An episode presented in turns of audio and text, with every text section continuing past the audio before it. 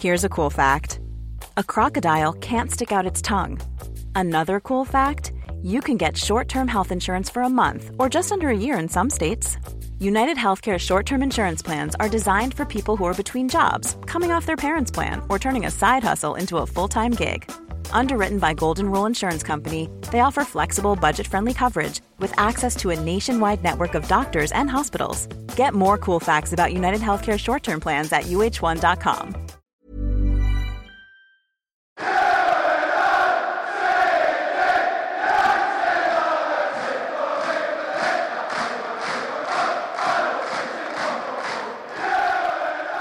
Halo fans kardus, penunggu puncak, pemakai jaket, pendebat Twitter, pembenci Glazer, peribut oleh in oleh out yang kemarin uh, habis memenangkan pertandingan derby sengit dengan tangga sebelah uh, beda kota tapi tetap cukup memakan menguras emosi meskipun akhirnya menang. Balik lagi uh, bersama kita bertiga di GGMU podcast di mana kegantengan kita menaik setelah MU menang 3-2.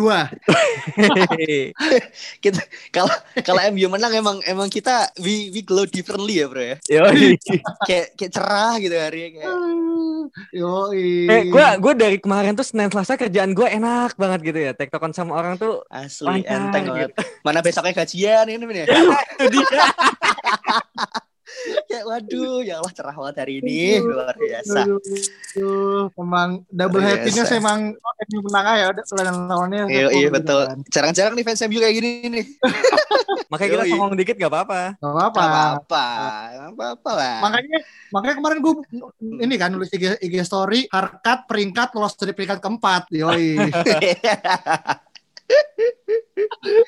ya ya ya. Nah seperti biasa ya kalau udah kita bertiga paham lah ya ngomonginnya ngomongin preview dan juga review. Uh, yang mana pertandingan kemarin lawan Liverpool tuh bener-bener membuat gue pribadi ngerasa the chance is always be there untuk kita kemudian at least dapat satu piala. Tapi gue pengen uh, flashback dulu nih. Ternyata gue baca Twitter kejadian kemarin tuh kayak dejavu ternyata. Jadi tahun uh, 1999 24 Januari juga oleh Gunnar Solskjaer comes off dari uh, bench dan dia mencetak gol uh, the late winner di uh, round keempat juga Liverpool dan akhirnya menang. Dan kemarin Bruno did the same thing juga. Jadi kayak kemarin tuh kayak dejavu buat fans MU karena history repeats yang kemarin uh, pelatihnya sekarang pemainnya gitu loh. Jadi menurut gue kemarin memang monumental banget sih untuk pertandingan kemarin kayak gitu. Betul betul. Nah, gue gue mulai dari dari hal yang menurut gue sangat sangat mengganggu. Di mana gue ngerasa MU memang king of comeback. Gue akui itu. Cuman gue mau naik ke Saung nih. Um kemarin kan kita uh, kejebolan dulu ya uh, atas miskoordinasi antara Lindelof dan juga Xiao yang akhirnya uh, salah bisa pasin terus di uh, di tengah-tengah. Nah menurut lu emang harus nggak sih kita kejebolan dulu untuk bisa menang, Ung? Sebenarnya enggak sih, enggak. Ya namanya namanya pertandingan sepak bola kan pasti kita ingin ingin ingin selalu on the front foot gitu loh. Kalau bisa pasti hmm. jebol duluan lah. Cuman yeah. uh, dari pertama di menit pertama kita bisa lihat dua tim ini main saling lepas gitu loh. Kayak benar-benar nggak apa ya, nggak nggak perhatiin peringkat seperti apa gitu. Dan Liverpool main menyerang pun juga begitu, Manchester United juga main menyerang gitu. Tapi ketika ketika Firmino ngasih true pass ke salah gue waktu itu langsung wah ini gol nih, pasti. Maksudnya ini gol salah banget gitu loh. Uh, bisa masuk ke ke apa run in behind di garis pertahanan lawan dan gol jadi ya it's it's class gitu. Cuman gue nggak pernah untuk musim ini ya gue nggak pernah meragukan mentalitas Manchester United sih untuk untuk untuk cari gol lagi gitu loh. Berarti kemarin event kemarin MU kejebolan uh, satu kosong duluan, lu masih kemarin masih ngerasa kayak gue juga kalau MU bakal menang saat apa uh, di di final di di akhirnya gitu. Ya yeah. saat itu gue belum yakin akan menang sih, cuman pasti akan bisa bikin gol karena uh, di beberapa pertandingan sebelumnya pun kita juga udah pernah kebobol duluan kan yeah. dan away lagi. Hmm. Jadi waktu waktu MU kebobol kebobolan pun kayak ini pasti masih bisa sih karena waktu itu masih menit awal gitu dan MU pun udah beberapa kali ada peluang gitu jadi itu mentalitas itu yang yang bikin pemain dan fans pun itu apa ya ngerasa kalau kita masih bisa untuk kebales gitu oke berarti ini ya apa hmm. udah udah agak kurang mengecewakan karena sedikit demi sedikit mulai bisa comeback ya meskipun sempat dirikan juga kemarin kan tiba-tiba udah kejebol yeah. well, yeah. menit awal kita nguasain pertandingan kan maksudnya secara dominasi ini kemarin kita kaget juga kita akhirnya bisa control the game even though akhirnya kejebolan duluan ya. Betul. Dan fun fact ya, ini uh, di di di liga pun kita tuh top of the league peringkat pertama, tapi dengan jumlah kebobolan paling banyak di top 11. I mean kayak gak, gak harus apa ya untuk attacking kita tuh kita harus ragu gitu loh. Walaupun Greenwood sama Martial pun juga off form masih off form gitu. Cuman ada Bruno Fernandes dan Marcus Rashford musim ini benar-benar menjadi pembeda sih buat kita. Ya, ya setuju gue mereka inilah mereka hmm. saviornya kita lah di musim ini gitu Betul. kan. Dan menurut gue kemarin pun akhirnya kalau kata coach Justin sekarang tiga nih. Pogba juga akhirnya jadi salah satu diamond eh, salah satu apa Betul. tiga pemain kunci lah. Gue berharap semua tiga itu yang akhirnya jadi ini. Nah gue mau nanya ke Alvin nih uh, kemarin ada anomali di mana uh, Van de Beek main dari awal dan posisinya kembali pada posisi yang menurut gue agak nanggung di nomor 10 gitu kan uh, lu gimana merating Van de Beek uh, main sekitar 55 menit kemarin uh, Van de Beek ya itu sebenarnya di di episode iya. sebelumnya yeah. kita udah ini ya udah sempat prediksi bahwa Van de Beek ini kemungkinan besar bakal bermain di FA Cup melawan Liverpool dan ternyata benar Van de Beek bermain dan juga Bruno Fernandes diistirahatkan karena untuk pertandingan liga ke depannya juga masih cukup padat. Dan menurut gua sebenarnya Van de Beek secara apa ya, kemampuan dia gitu, itu nggak jelek gitu. Tapi kalau kita lihat untuk menggantikan Bruno Fernandes, itu jadinya nggak sebagus Bruno kayak gitu sih. Jadi menurut gua gimana kita ngelihatnya aja. Kita nggak bisa expect Van de Beek ini bermain seperti Bruno karena memang bukan tipenya, bukan tipe yang menyebut bola ke belakang, abis itu dia passing ke misalnya Greenwood atau Rashford, abis itu dia minta bola lagi. Enggak, dia nggak kayak gitu mainnya. Dia malah lebih kayak 4-4-2 mainnya uh, sejajar dengan Cavani dan menunggu bola di depan di depan gitu. Dan bagusnya adalah beberapa momen terutama di babak pertama di gol pertamanya Rashford itu dia terlibat dalam counter attack yang dia oper ke siapa ya, yeah. Rashford kalau nggak salah terus Rashfordnya akhirnya hmm. long ball jauh ke Greenwood itu sih. Jadi sebenarnya sejujurnya gue kasih dia rating 6 sih. Nggak belum bisa seterlibat itu dalam permainan tapi ya still oke okay lah masih oke. Okay. Kalau bahasa coach Justin tuh so-so. So-so.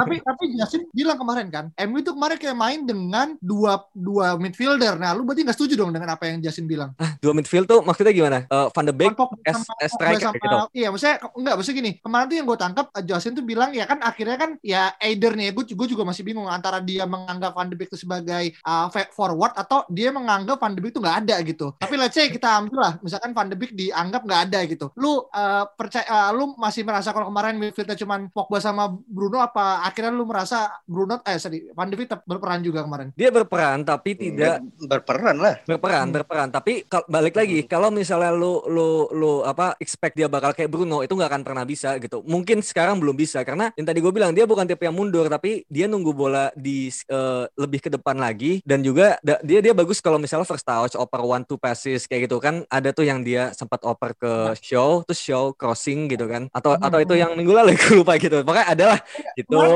Kenapa? Eh, ada ya, ada kan ya. password Van de Beek, Van de Beek ke Sluxiao di sisi kiri kan? Nah itu iya. Jadi dia itu kalau misalnya di sepertiga lapangan itu terlibat gitu. Tapi kalau misalnya di setengah lapangan ketika lagi build up, nah itu mungkin yang kurang terlibat kayak gitu. Jadi kalau dibilang nggak terlibat sama sekali sih enggak ya. Tapi masih belum seterlibat Bruno kayak gitu. Iya soalnya menurut gue shadownya di Bruno ya. Maksudnya pemain mana pun sekarang gue ngerasa ke MU pun itu nggak bisa inevitable gitu loh. Bruno tuh kayak udah benar lu udah mengamankan posisi dan siapa pun datang pun even kayak let's say pemain top top siapa pun kayak menurut gue sih akan tetap di bawah Bruno. Gue gak tahu yeah, ini pendapat yeah. gue sekarang. Ya yeah, makanya. Mm -mm. Ya yeah, on, on form memang on form memang untuk saat ini belum ada pemain yang mendekati apa ya di di Manchester United ya. Yeah. Posisinya tuh tak tak tergoyahkan saat ini Bruno yeah. Fernandes. Dan uh, kemarin pun kemarin pun Van de Beek main di posisi yang sama itu kan di yeah. AM di nomor 10 dan mungkin di awal-awal kita bisa bilang kayak wah Van de Beek apa ya belum melakukan sesuatu yang menjustifikasi kalau dia tuh butuh menit bermain yang lebih gitu. Tetapi hmm. waktu gol pertama sampai gol kedua pun dia is growing into the game gitu loh. Dari hmm. mungkin mungkin dia nggak nggak nggak nggak pegang banyak bola kayak Bruno Fernandes gitu kan. Cuma di gol pertama pun setelah Pogba pressing lalu bola diumpan ke Rashford sama Van de Beek itu pun jadi gol. Waktu hmm. uh, gol kedua pun ada andil Van de Beek juga waktu si pemain Liverpool di pressing sama Pogba dan Van de Beek lalu boleh dipassing ke Cavani itu juga ada gitu loh. Iya, iya, iya. Jadi untuk untuk untuk menggantikan Bruno memang belum bisa. Cuman kita saat ini kan punya punya game yang masih punya game yang banyak kan di ya. di FA Cup, di Liga dan di Europa League. Jadi nggak usah khawatir sih untuk untuk itu. Dia dia pasti bisa kok ya, untuk ya. tampil gitu. Nah, yuk bisa yuk gitu ya. Bisa. Bisa yuk. bisa bisa.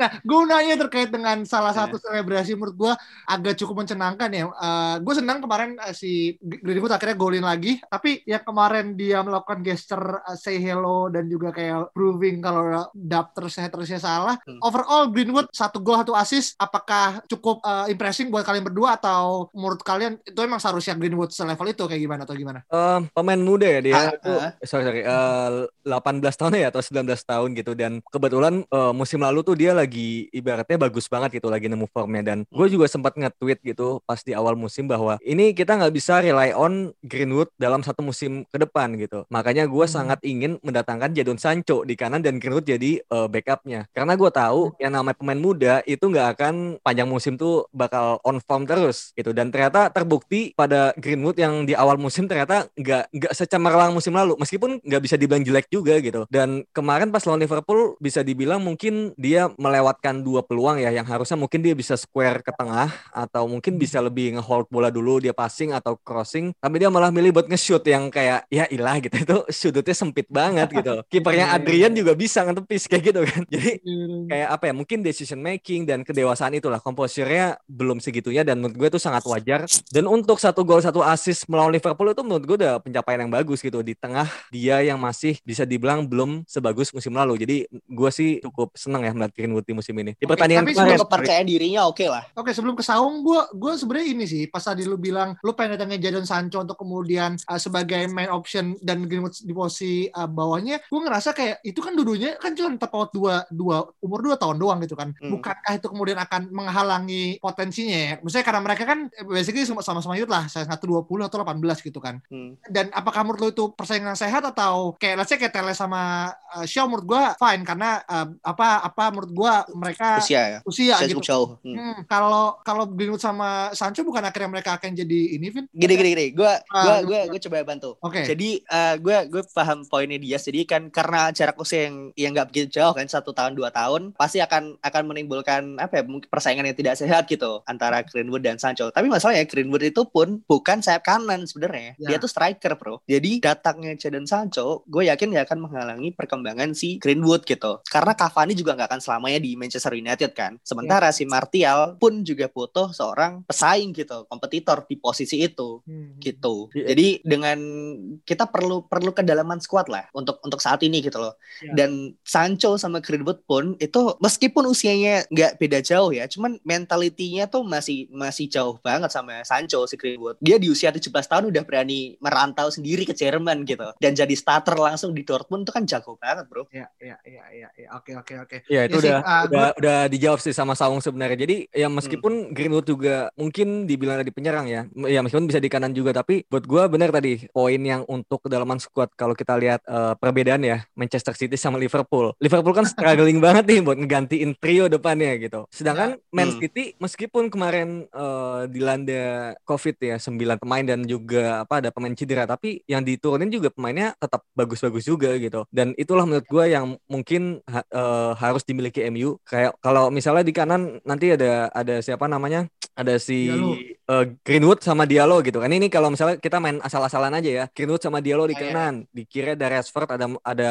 ada siapa? Ada Sancho misalnya. Sancho kan bisa di kiri juga. Striker ada Cavani ada juga Martial. Oke Cavani keluar. Berarti beli striker lagi. Kan pas tuh ya ada satu utama dan satu backup gitu. Jadi buat gue emang harus kayak gitu. Satu posisi berisi dua pemain yang saling kompetitif kayak gitu sih. I see, I see. Oke, oke, oke. Iya sih, gue gue setuju banget. Nah, oke, okay, uh, gue ngerasa Liverpool kemarin ya kita main meskipun ugly win dan meskipun gue ngerasa kemarin kita bisa uh, menang dengan uh, sisi gol lebih dari satu ya dengan Cavani kemarin uh, apa hampir cetak gol dengan apa uh, sundulannya. Tapi after all kita menang dan kita bisa next ke game berikutnya ada Sheffield juga Arsenal. Nah, gue yeah. bahas masalah Sheffield dulu nih. Um, kemarin sempat hal hal yang akhirnya gue tangkap ketika sel, selain adalah hegemoni MU menang adalah Rashford yang kemudian sempat di uh, dikhawatirkan cedera uh, uh, di di bagian lututnya atau ankle gue lupa kayak gitu kan. Tapi terakhir tadi gue baca di media ternyata uh, nothing serius tapi masih menunggu hasil uh, scan-nya kayak gitu. Yeah, nah, yeah. terkait dengan plan besok nih uh, apa yang menurut lu akan berubah as in strategi dari uh, sudut dari Ole sendiri kayak gitu. Uh, dari Sawang sendiri dong. Um, dari strategi sih mungkin masih sama main game Ole akan mainin 4-2-3-1 dan gue expect Rashford akan di di bangku cadangin gitu. Martial di kiri, Cavani main lagi starter. Cuman gue berharap Bruno Fernandes nggak akan main sih. Gue berharap Oke. Van de Beek main lagi di posisinya dia gitu kan. Dan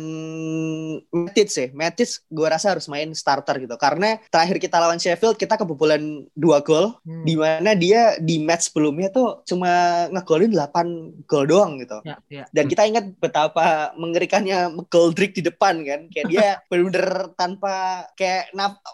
paru-parunya tiga gitu loh ya. Jadi dia bener-bener gak ada capeknya gitu. Iya, iya. Jadi sem- apa kita butuh kita butuh ketenangan gitu di di di midfield dan yang bisa nge-backing si Maguire sama Lindelof dan atau Bailey gitu nantinya yang akan main di situ. Dan gue Hmm. harap Teles main sih. Iya, iya. I see, I see. Karena Asa udah main back to back. Hmm. Gua Hmm. gua nggak setuju sama yang tadi bukan nggak setuju ya, tapi eh, lebih ke kayaknya prediksi gua kayaknya Cavani bakal di drop karena kemarin dia udah 90 full main dalam dua match back to back lawan Fulham dan juga Liverpool. Sedangkan kita tahu Iya. juga abis Sheffield ini ada Arsenal dan juga Southampton yang lebih mengerikan gitu. Jadi gua ngelihatnya kayaknya Cavani bakal lebih dibutuhkan di situ gitu. Apalagi. Cavani usia 34 tahun ini dan apa fitnessnya kan sempat di awal agak drop gitu kan. Jadi buat gue sih Cavani bakal masuk bangku cadangan dan juga bakal nanti dipakai full di dua match ke depannya. Nah, gue malah mikirnya Martial yang bakal di depan. Untuk Rashford benar tadi dia bakal cadangan dan eh, menurut gue Greenwood bakal main lagi dan kayaknya kirinya bakal James. Kayaknya ya menurut gue sih gitu. Bruno bakal main lagi karena kalau enggak dia bakal marah sih kayaknya ke Ole. Dia kan bilang dia nggak butuh istirahat, dia selalu fit gitu. Kemarin aja dia. Iya kan? Iya, Jadi kayaknya ya. menurut gue Bruno bakal main, tengahnya Matic sama Fred. Pogba juga butuh istirahat loh gitu. Pogba udah main back to back dari match yang mana gitu. Gue udah lupa tuh dia nggak pernah diganti. Iya. Jadi- Sulit sih. Iya. Iya, jadi menurut gua mumpung ya, mumpung meskipun uh, with due all respect kepada Sheffield United gitu yang di peringkat paling buncit, sedangkan kita di paling atas gitu kan. Tapi menurut gua ya kita bisa coba yang lain gitu, Matic dengan Fred, Pogba nanti babak kedua main kalau misalnya sampai menit 60 masih deadlock gitu. Teles main oke, Hmm. gue setuju. Oke, iya.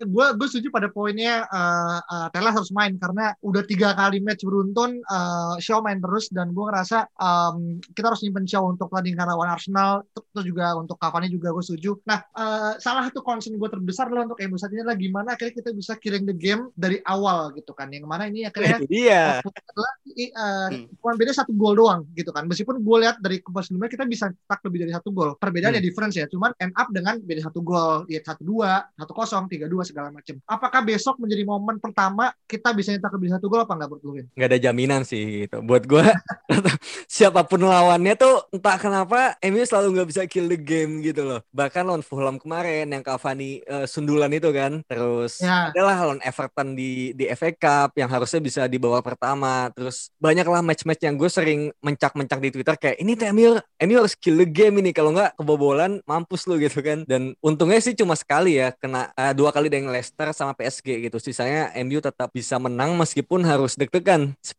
menit terakhir kayak gitu. Jadi menurut gue yang paling penting adalah bisa manfaatin momentum dan kesempatan yang ada. Ini ini out of topic ya. Tadi kan gue habis nonton tuh MU Ya. tahun 2008-9 yang MU kalah 1-0 lawan Portsmouth di FA Cup. Itu Ya. gue nostalgia gimana frustrasinya MU cetak gol yang apa ya peluang itu bertubi-tubi datang tapi ada yang ketepis kena tiang menceng dikit. Itu Ronaldo Tevez Rooney itu wah udah frustrasi. Tiba-tiba ada satu counter attack kena penalti kartu merah 10 pemain kipernya Ferdinand udah selesai gitu. Itu gua nggak mau sih itu terjadi lagi sih di musim ini gitu. Uh, dan dan menurut gue gini kayak pemain kita emang menurut gue pribadi dibandingkan Liverpool dan juga dibandingkan Arsenal squad depth kita agak cukup lebih baik ya musim, musim- ini gitu kan. Dan dan jujur gue selalu punya harapan yang akhirnya gue pengen melihat Diallo tuh main gitu kan. Tapi kayaknya sih setelah gue baca di dari apa dari Twitter di mana katanya Oleh baru bakal mau mainin dia di bulan Februari gitu kan. Meskipun uh, beberapa orang nyebut kalau dia main di training bagus shootnya juga bagus dan semua pemain terimpress. Nah menurut lu any chance besok Oleh bakalan membuat suatu hal yang eh, apa ya eh, ya surprise gitu kah dan mungkin menurut gue surprise ini adalah dia lo main atau menurut lu James akan tetap ditaruh di kiri Greenwood di kanan dan akhirnya ya udah seperti biasa kita tetap main ke winning team biasa kayak gitu tahu kali Oh, gue rasa Diallo belum main sih.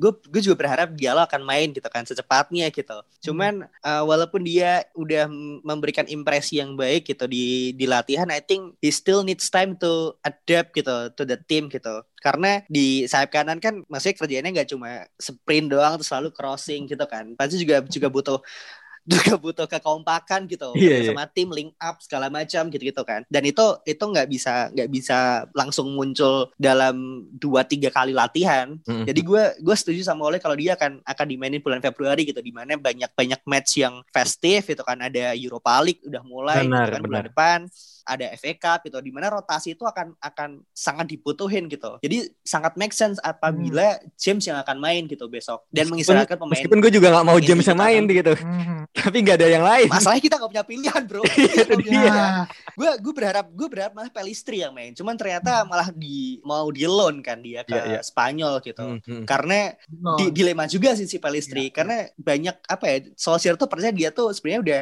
udah secara kualitas dia tuh udah lebih dari U23 cuman belum nyampe ke first team nih Iya iya, Kayak nanggung dia. ya. something missing with this boy gitu nanggung gitu mungkin secara secara body bodybuildingnya Fisikal gitu ya, atau apa gue nggak ngerti sih fisikalnya betul Benar benar Gitu benar. sih. Iya. Iya, iya, iya, iya. Gua sih. sebenarnya sangat- kayak bisa akhirnya Hmm. apa, Vin? Iya, gue gue sebenarnya tadi eh, ketika Saung bilang sangat ingin Van de Beek main, itu gue sebenarnya setuju juga gitu. Gue pingin pingin banget melihat Ole ini menemukan di mana Van de Beek harus bermain gitu. Bahkan kemarin gue sampai bikin thread sendiri ya. Bentar mana nih gue nyari Eh, mana ya? Ah ini, gue sempat bikin thread di Twitter kayak gue punya sebuah thoughts gitu, idea. Kayaknya Van de Beek ini kan gini gini. Eh, Van de Beek ini kan punya traits yang bagus dalam link up play, one touch passes, positioning dan itu semua kan bagusnya ketika dia lebih dekat ke kotak penalti kan dibanding di tengah lapangan ketika build up. Itu udah Iya. terbukti ketika pertandingan lawan Liverpool kemarin. Ketika dia di tengah dia kurang terlibat, tapi kalau di depan dia lebih terlibat gitu. Dan itu lebih bagus buat dia. Dan itu emang gaya permainan dia ketika, di Ajax. Jadi di Ajax itu kan mainnya 4-2-3-1, Van de Beek-nya AM, striker itu false nine si Dusan Tadic. Dan itu mereka sering tukeran tuh. Kadang Tadic yang mundur, Van de Beek yang ngisi sebagai striker kayak gitu. Makanya rataan gol dia tuh banyak di Ajax di musim-musim lalu gitu. Nah, dari hal-hal tersebut gue malah mikir gitu. Tapi nggak tahu ya, ini kan pemikiran asal gue gitu. Mungkin bisa dicoba Van de Beek jadi striker gitu. Nanti bisa bertukar Oh, jadi posisi. false nine. Iya, jadi false nine. Ya meskipun ini ini kan secara strategi mungkin nggak segampang lo main FIFA ya. Tapi kayak gue berandai-andai aja gitu. Gue sampai bilang kalau playmaking ala Bruno itu emang bukan tipenya Van de Beek gitu. Jadi lu nggak akan pernah bisa naruh Van de Beek di posisi AM dan berharap jadi Bruno gitu. Itu nggak akan pernah bisa gitu. Jadi daripada seperti itu dan lu pas eh, paksain dia main di sayap atau kalau percuma gitu mainin Van de Beek di sayap dia bakal ke tengah gitu. Sama kayak lo mainin Lingard di sayap bakal ke tengah-tengah juga. Jadi sayapnya nanti kosong. Sedangkan kalau mainin Van de Beek di double pivot dia tuh sering maju ke depan karena emang dia sukanya maju gitu. Dia suka menyerang. Jadi eh, apa namanya salah satu pivot itu bakal bakal kosong dan dia bakal kerja sendirian. Jadi gue punya ide masukin dia di depan dan juga mungkin bisa menjadi backupnya Martial atau Cavani dan dicoba di pertandingan-pertandingan kayak Europa League gitu. Ya itu thoughts gue sih. Gue nggak tahu itu mungkin bisa bekerja atau enggak. Tapi entah kenapa belum ada sih yang nulis kayak gitu. Maksudnya yang punya thoughts kayak gitu. Iya, iya. I think uh, alasan kita beli Van de Beek mungkin untuk menjadi pembeda aja sih, Vin. Pembeda Iya. itu dalam arti uh, dimensi yang berbeda gitu loh. Karena Iya. kita tahu kalau kita lihat di Ajax ya, mainnya kan beda banget kayak MU sekarang Iya, gitu. MU iya. sekarang kan yang sangat direct gitu, nggak nggak umpan banyak, nggak Iya. passing banyak, langsung through ball gitu atau long ball langsung Iya. apa melewati line pemain gitu. Iya. Sementara di di Ajax kan kita tahu filosofinya kan hampir mirip Barcelona gitu kan yang passing football, passing di mana ya. Bru- apa betul Van de Beek pasti banyak pegang bola gitu. Ya. Jadi Hmm. eh, mungkin ada beberapa game yang menurut Ole tuh nggak bisa nggak bisa di apa dihadepin dengan menggunakan Bruno gitu. Misalnya low block gitu katakanlah, di mana kita harus banyak pegang bola kan, dan itu di situlah eh, Van de Beek itu digunakan gitu. Dan kalaupun gue sebenarnya penasaran juga sih kalau misalnya dia dia dimainin sebagai seorang false nine itu seperti apa. Cuman gue nggak yakin apakah barisan striker MU ini mau gitu Iya, iya. untuk dicadangkan gitu kan atau Iya. disebagaikan opsi gitu. Karena kita kita tahu sendiri lah eh, Cavani datang kan untuk pertama itu untuk memberikan eh, pengalaman gitu, experience gitu kepada pemain muda kita kan di Iya. depan. Tapi juga di memberikan opsi atau dimensi lebih di barisan depan kita. Tapi Iya. dengan ada Cavani ini justru performance Martial tuh malah drop gitu. Gue nggak Iya, ngerti iya. sih apakah karena Dia confidence-nya juga dia ya. tuh malah berkurang gitu. Dan itu aneh, harusnya tuh nggak seperti itu Martial gitu. Gue gemes juga sih sama Martial musim ini.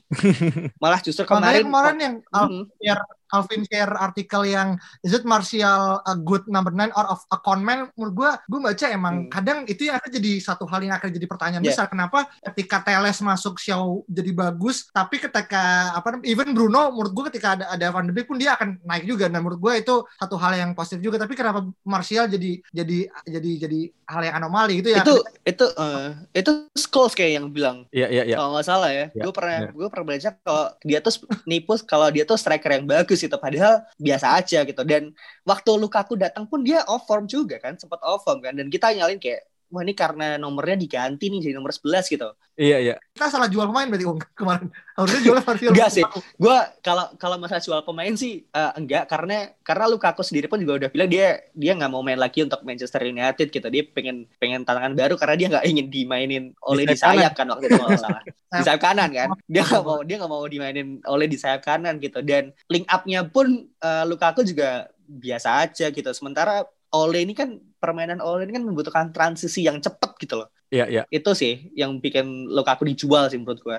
Hmm. His class, bro. Hmm. hmm. Dan gue Lukaku emang cocoknya dengan main dua striker sih kayak sekarang di Inter kan. Dengan dia sama hmm. kan pakai tiga lima dua kan, nggak pakai empat dua tiga satu atau empat tiga tiga. Jadi memang tipikalnya Lukaku ya ya dengan dia butuh tandem yang emang dua di depan gitu dan dia kadang kan jadi jadi apa jadi apa uh, apa sih kayak yang pemantul. kayak defender gitu iya, iya. pemantul gitu kan itu yang hmm. akhirnya benefiting tim tapi sayangnya mungkin ya memang MU tidak menggunakan sistem itu lagi saat ini gitu kan iya, iya. unless di, di zamannya Van Gaal itu beda hal ya Van Gaal pakai 352 cuman menurut gua sekarang sih uh, ya emang pemain bagus tapi sistem dia nggak masuk sistem dan that's it itu udah menurut gua udah ya itu sih tapi iya, iya. ya gue nunggu Martial gue gak tau nih. Menurut kalian ngomongin Martial singkat aja kita perlu kita memerlukan kesabaran berapa tahun lagi sih untuk melihat Martial untuk kemudian kayak fulfilling di potensial untuk untuk saat ini? Buat gue udah cukup sih. Dia tuh 25 tahun yang mana harusnya tuh udah peak performance-nya dia. Dia udah tahu posisinya bagusnya as a striker atau left uh, left striker. Maksudnya uh, inside winger inside striker yang di kiri gitu kan kayak Eden Hazard kayak gitu. Tapi ya. sampai sekarang tuh kayak menurut gue kayak belum pakem gitu loh. Dia sebagai striker pergerakannya males gitu. lu, lu, lu ngeliat Cavani sama Martial tuh kayak bumi dan langit gitu loh. Cavani tuh positionnya bagus banget. Martial tuh diem-diem baik gitu kan. Jadi agak kesel juga. Sedangkan kalau di kiri, oke, okay, sometimes bagus. Tapi ada Rashford yang lebih bagus lagi di situ gitu. Jadi kadang-kadang gue bingung. Sedangkan Martial main di kanan gak bisa juga gitu loh. Jadi ya, agak, ya. agak limited dia tuh. Rashford masih bisa dipaksa di kanan gitu. Jadi buat ya, gue, uh, uh, di, dikit. Kalau gue buat gue kayak it's enough gitu.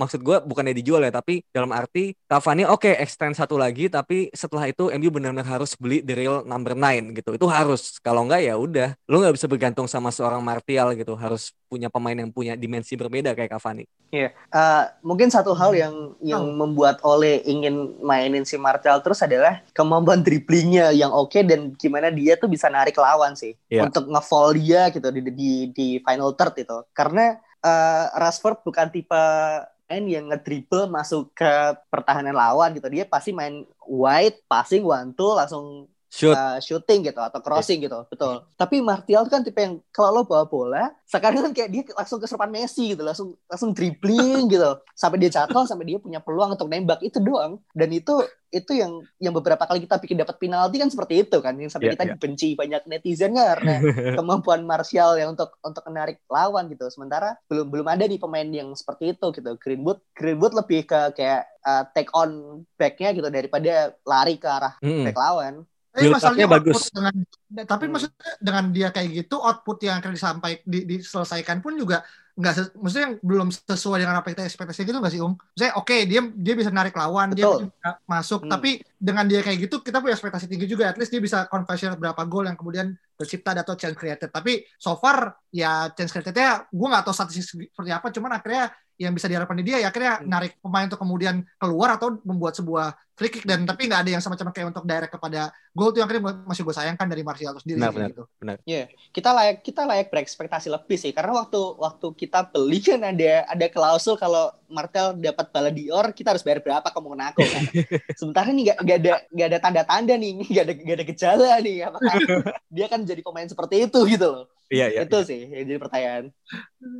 Iya iya iya oke oke oke. Ya eh, mungkin terkait dengan Martial kita lihat besok eh, semoga Martial dengar podcast kita dan doa kita dijabah supaya besok tiba-tiba Patrick gitu kan kayak dia juga akhirnya menggunakan gestur yang sama gitu kan dengan Greenwood. Ya gue gak tahu ya itu cuman itu kan andai-andai gue ya gitu kan. Dan kalau misalkan beneran terjadi gue malah seneng gitu kan. Gue berharap apa yang kita tadi bicarakan sama Martial salah jadi bisa proving dem- eh, kita salah gitu kan. Jadi ya kita berdoa besok semoga Martial at least bisa perform giving goal, giving assist itu itu bonus tapi menurut gua dia udah saatnya untuk kemudian nunjukin dia dari yang buat MU untuk bisa diandalkan kayak gitu. Ya. Ya, itu aja Oh, iya. uh, dari kita bertiga. Thank you banget udah denger dan semoga MU menang. Sampai berjumpa di episode berikutnya. Dadah.